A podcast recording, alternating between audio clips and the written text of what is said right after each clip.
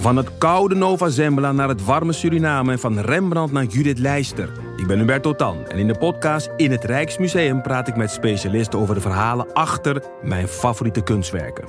Nieuwsgierig? Beluister nu de nieuwe afleveringen. Mijn naam is Botte Jellema. Jouw naam is Ipe Driessen. Wij zijn van de Eeuw van de Amateur. De Eeuw van de Amateur is een podcast die gaat over...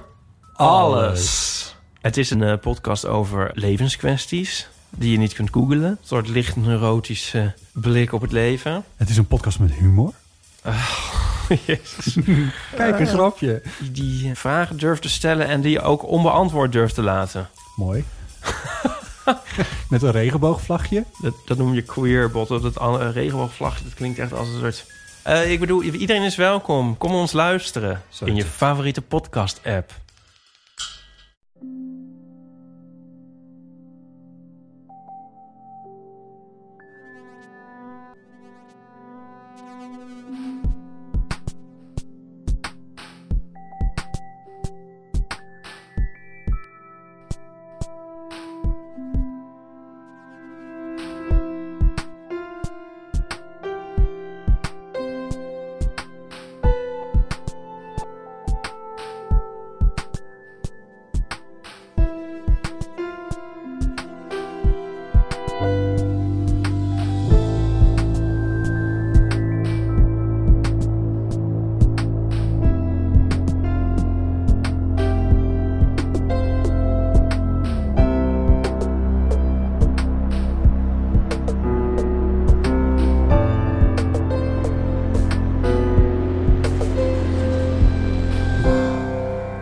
Welkom bij aflevering 2 van de Relaas podcast.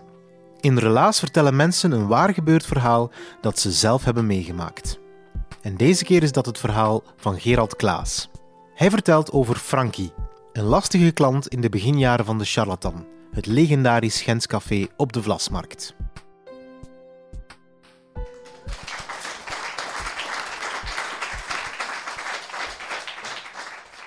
Goedenavond, dames en heren. Eh, welkom in het Huis van Verderf. Normaal begin ik zo zelf met een speech, maar bon. Eh, vanavond vertel ik geen speech. Een speech is kort, deze is iets langer.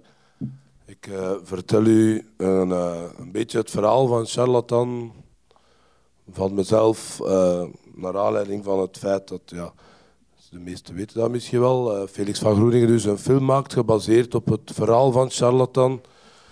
Het is een eh, film, dus dat is vooral fictie. Dat wil zeggen een verromantiseerd beeld van wat gebeurd is door verschillende mensen samengevoegd in een verhaal van eh, twee personen waar ik zelf één van uitmaak.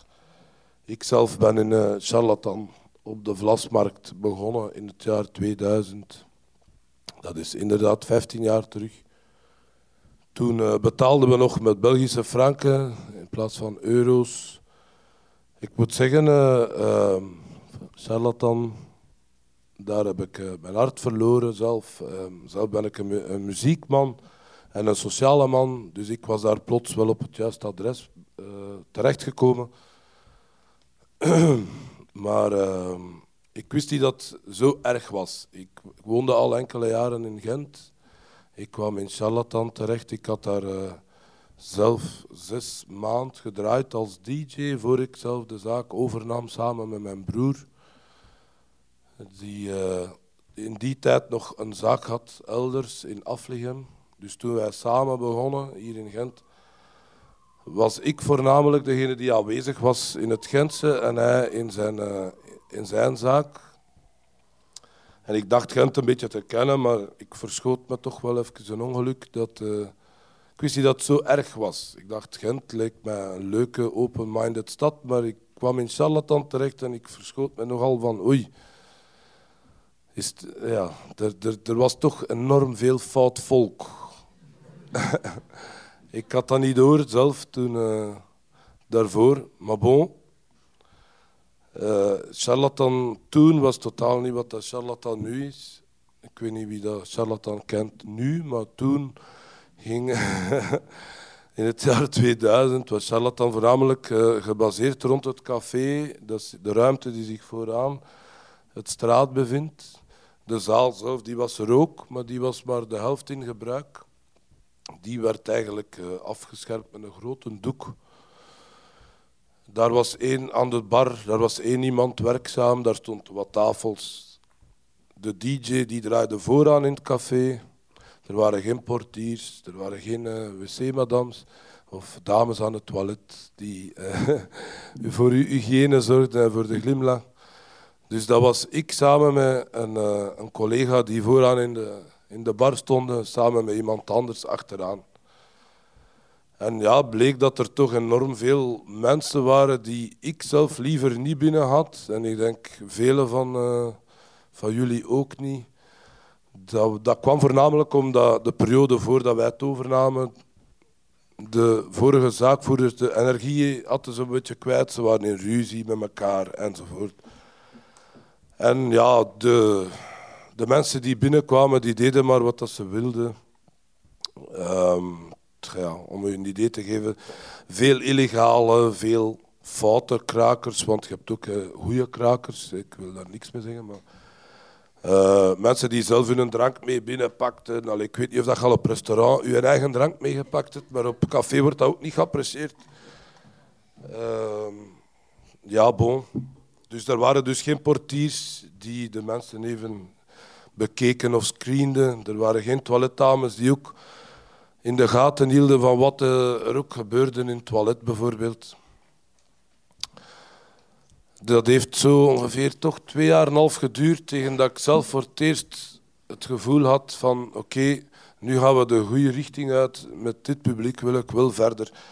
Maar dat wil ook zeggen, dus bij elk conflict dat er gebeurde of bij elk ding waar ik zelf vond dat niet oké was, dat ik zelf persoonlijk moest instaan om dat conflict op te lossen. En uh, ja, dat wil zeggen veel uh, over de toog gesprongen, bij het minste beetje agressie of uh, fout publiek. Ja, bon, en dat was ik degene die de persoon naar buiten moest begeleiden of moest overtuigen om toch anders te gaan denken of van mijn gelijk te overtuigen van sorry, maar dat zal niet lukken hier. Moeilijk, maar ja, bon, moeilijk gaat ook.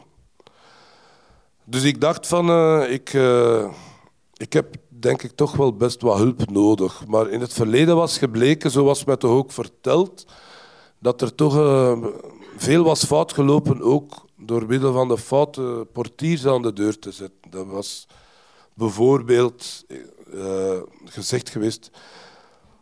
Bijvoorbeeld, ja, bon. Uh, ik ga het zeggen hoe dat is, hè. zonder enig waardeoordeel uit te spreken. Marokkanen zijn nogal aantastelijk hè, en uh, vrouwen vinden dat niet tof. Hè. Dat, dat wordt nog gezegd, maar.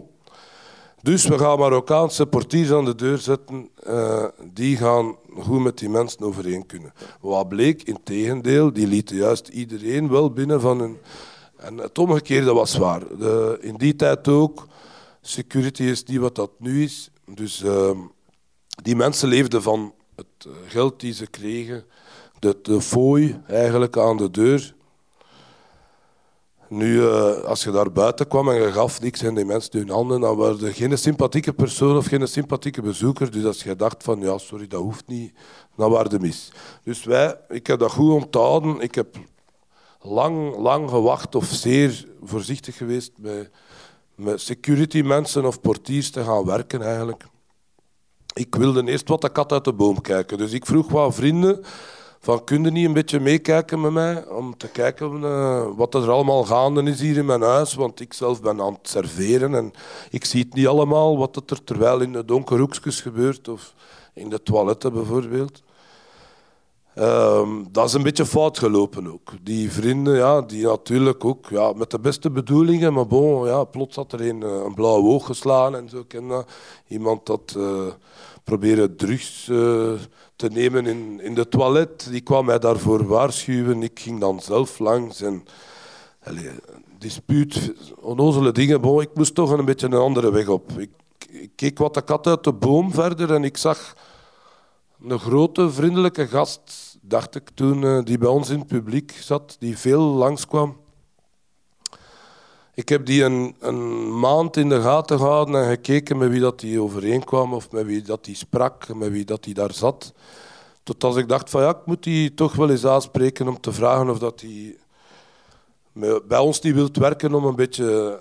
ehm, je hebt één arm, ik heb één oog. Elk zijn een handicap. Dus ik, ik kon het sowieso niet allemaal in, eh, in de gaten houden. Die mens zag dat zitten, Manuel heette die persoon. Die komt ook voor in de film, als je de film ooit gaat zien later. Er is veel in die film dat niet is waar gebeurd, maar dit wel. Manuel die kreeg nadien nog eh, de bijnaam de grote, de grote vriendelijke reus, de GVR. Zwat, die jongen dat was een student en die zag dat zitten om een cent bij te verdienen. Om eh, mee met mij, dus een beetje alles wat er gebeurde bij ons in Charlatan in de gaten te houden. En bon, ja, eh, ik vroeg aan hem van kijk, zit u aan de bar en kijkt wie dat binnenkomt en kijkt een beetje mee met mij en waarschuw mij als er dingen gebeuren. Het foute publiek, waar ik het eh, al had over had en die wij echt niet binnen wilden en die wij liever kwijt dan rijk waren, die werd gesymboliseerd door een klant en eh, die heette Frankie. Frankie die kwam op een goede dag bij ons binnen en die zag er niet uit. Die was eh, ja, verwaarloosd. Die, zijn haar was al lang uitsnit, een beetje kalend, vuil. Dat was een klein manneke, zo, West-Vlaams, eh, zeer nors. En ook al heeft hij nooit niks misgedaan, toch, ik wilde die persoon niet. Dat was echt de belichaming van het foute publiek. Die kwam binnen, dus het was nog Belgische frank. En die eh, vroeg aan mij een pintje. Nu, als je graag bier drinkt, dan vraag je als beleefde mens: mag ik een pintje? Of zeg je een pintje, alstublieft. Maar een pintje. Ik zeg, excuseer, een pintje. En hij smet zijn geld op hem toog.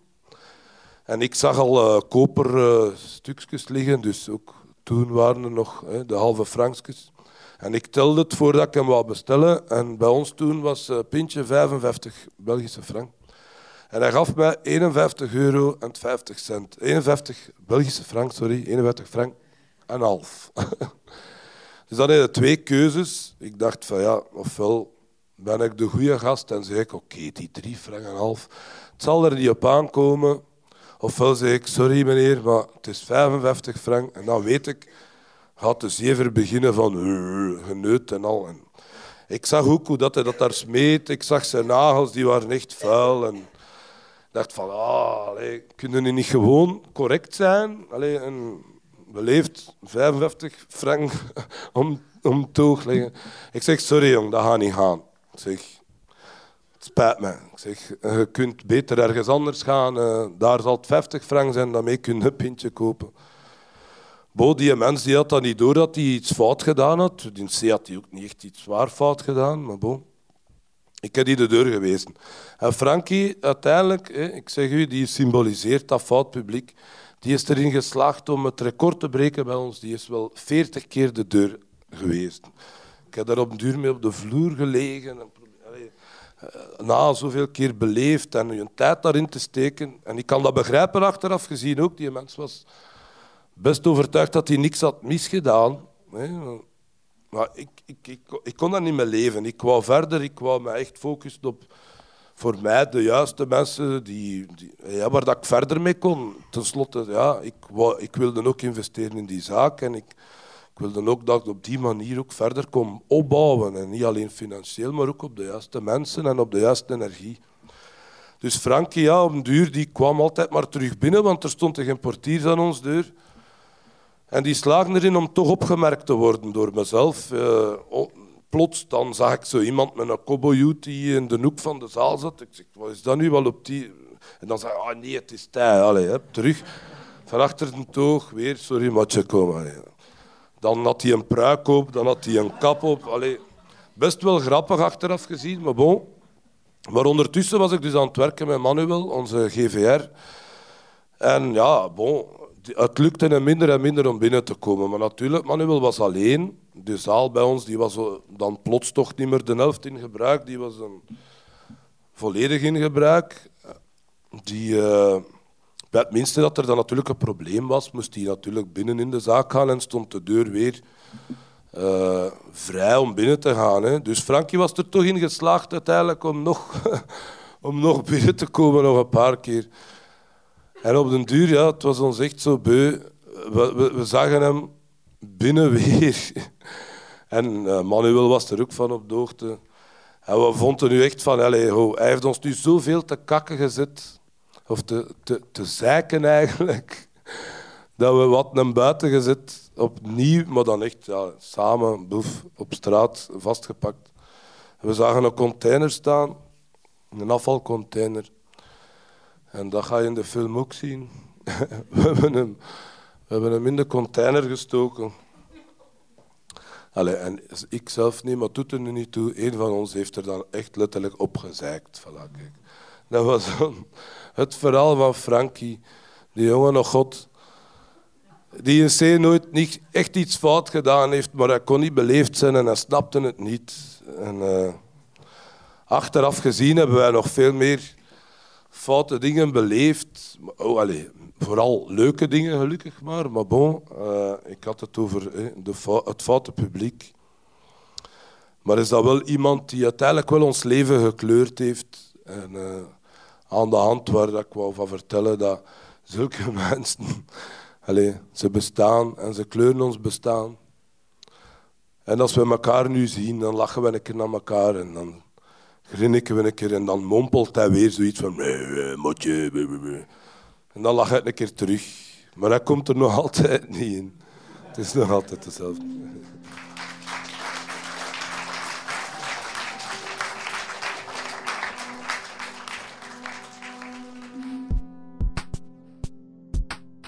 Dat was relaas nummer 2.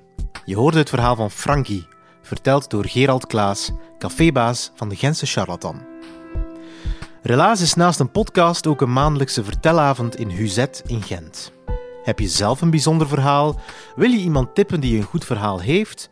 Of wil je er graag live eens bij zijn als de verhalen verteld worden? Surf dan naar www.relaas.be en je komt er alles te weten over ons, over de vertelavonden en over de podcast. Relaas komt tot stand met de steun van Urgent FM. Onze crew bestaat uit Dieter van Huffel, Timon van de Voorde, Sarah Jan-Lisa Pringels, Sarah Smet en mezelf, Pieter Blomme. Like ons op Facebook, zoek op Relaas. Abonneer je op onze podcast op Soundcloud of iTunes. Waardeer ons op iTunes. Laat een comment achter. We hebben alle hulp nodig om verder van de grond te komen. Bedankt om te luisteren en vergeet niet, als een pintje in de charlatan 2,20 euro kost, dan smijt je niet zomaar 2,05 euro op de toog, want voor je het weet, word je ondergezeken. Of zoiets.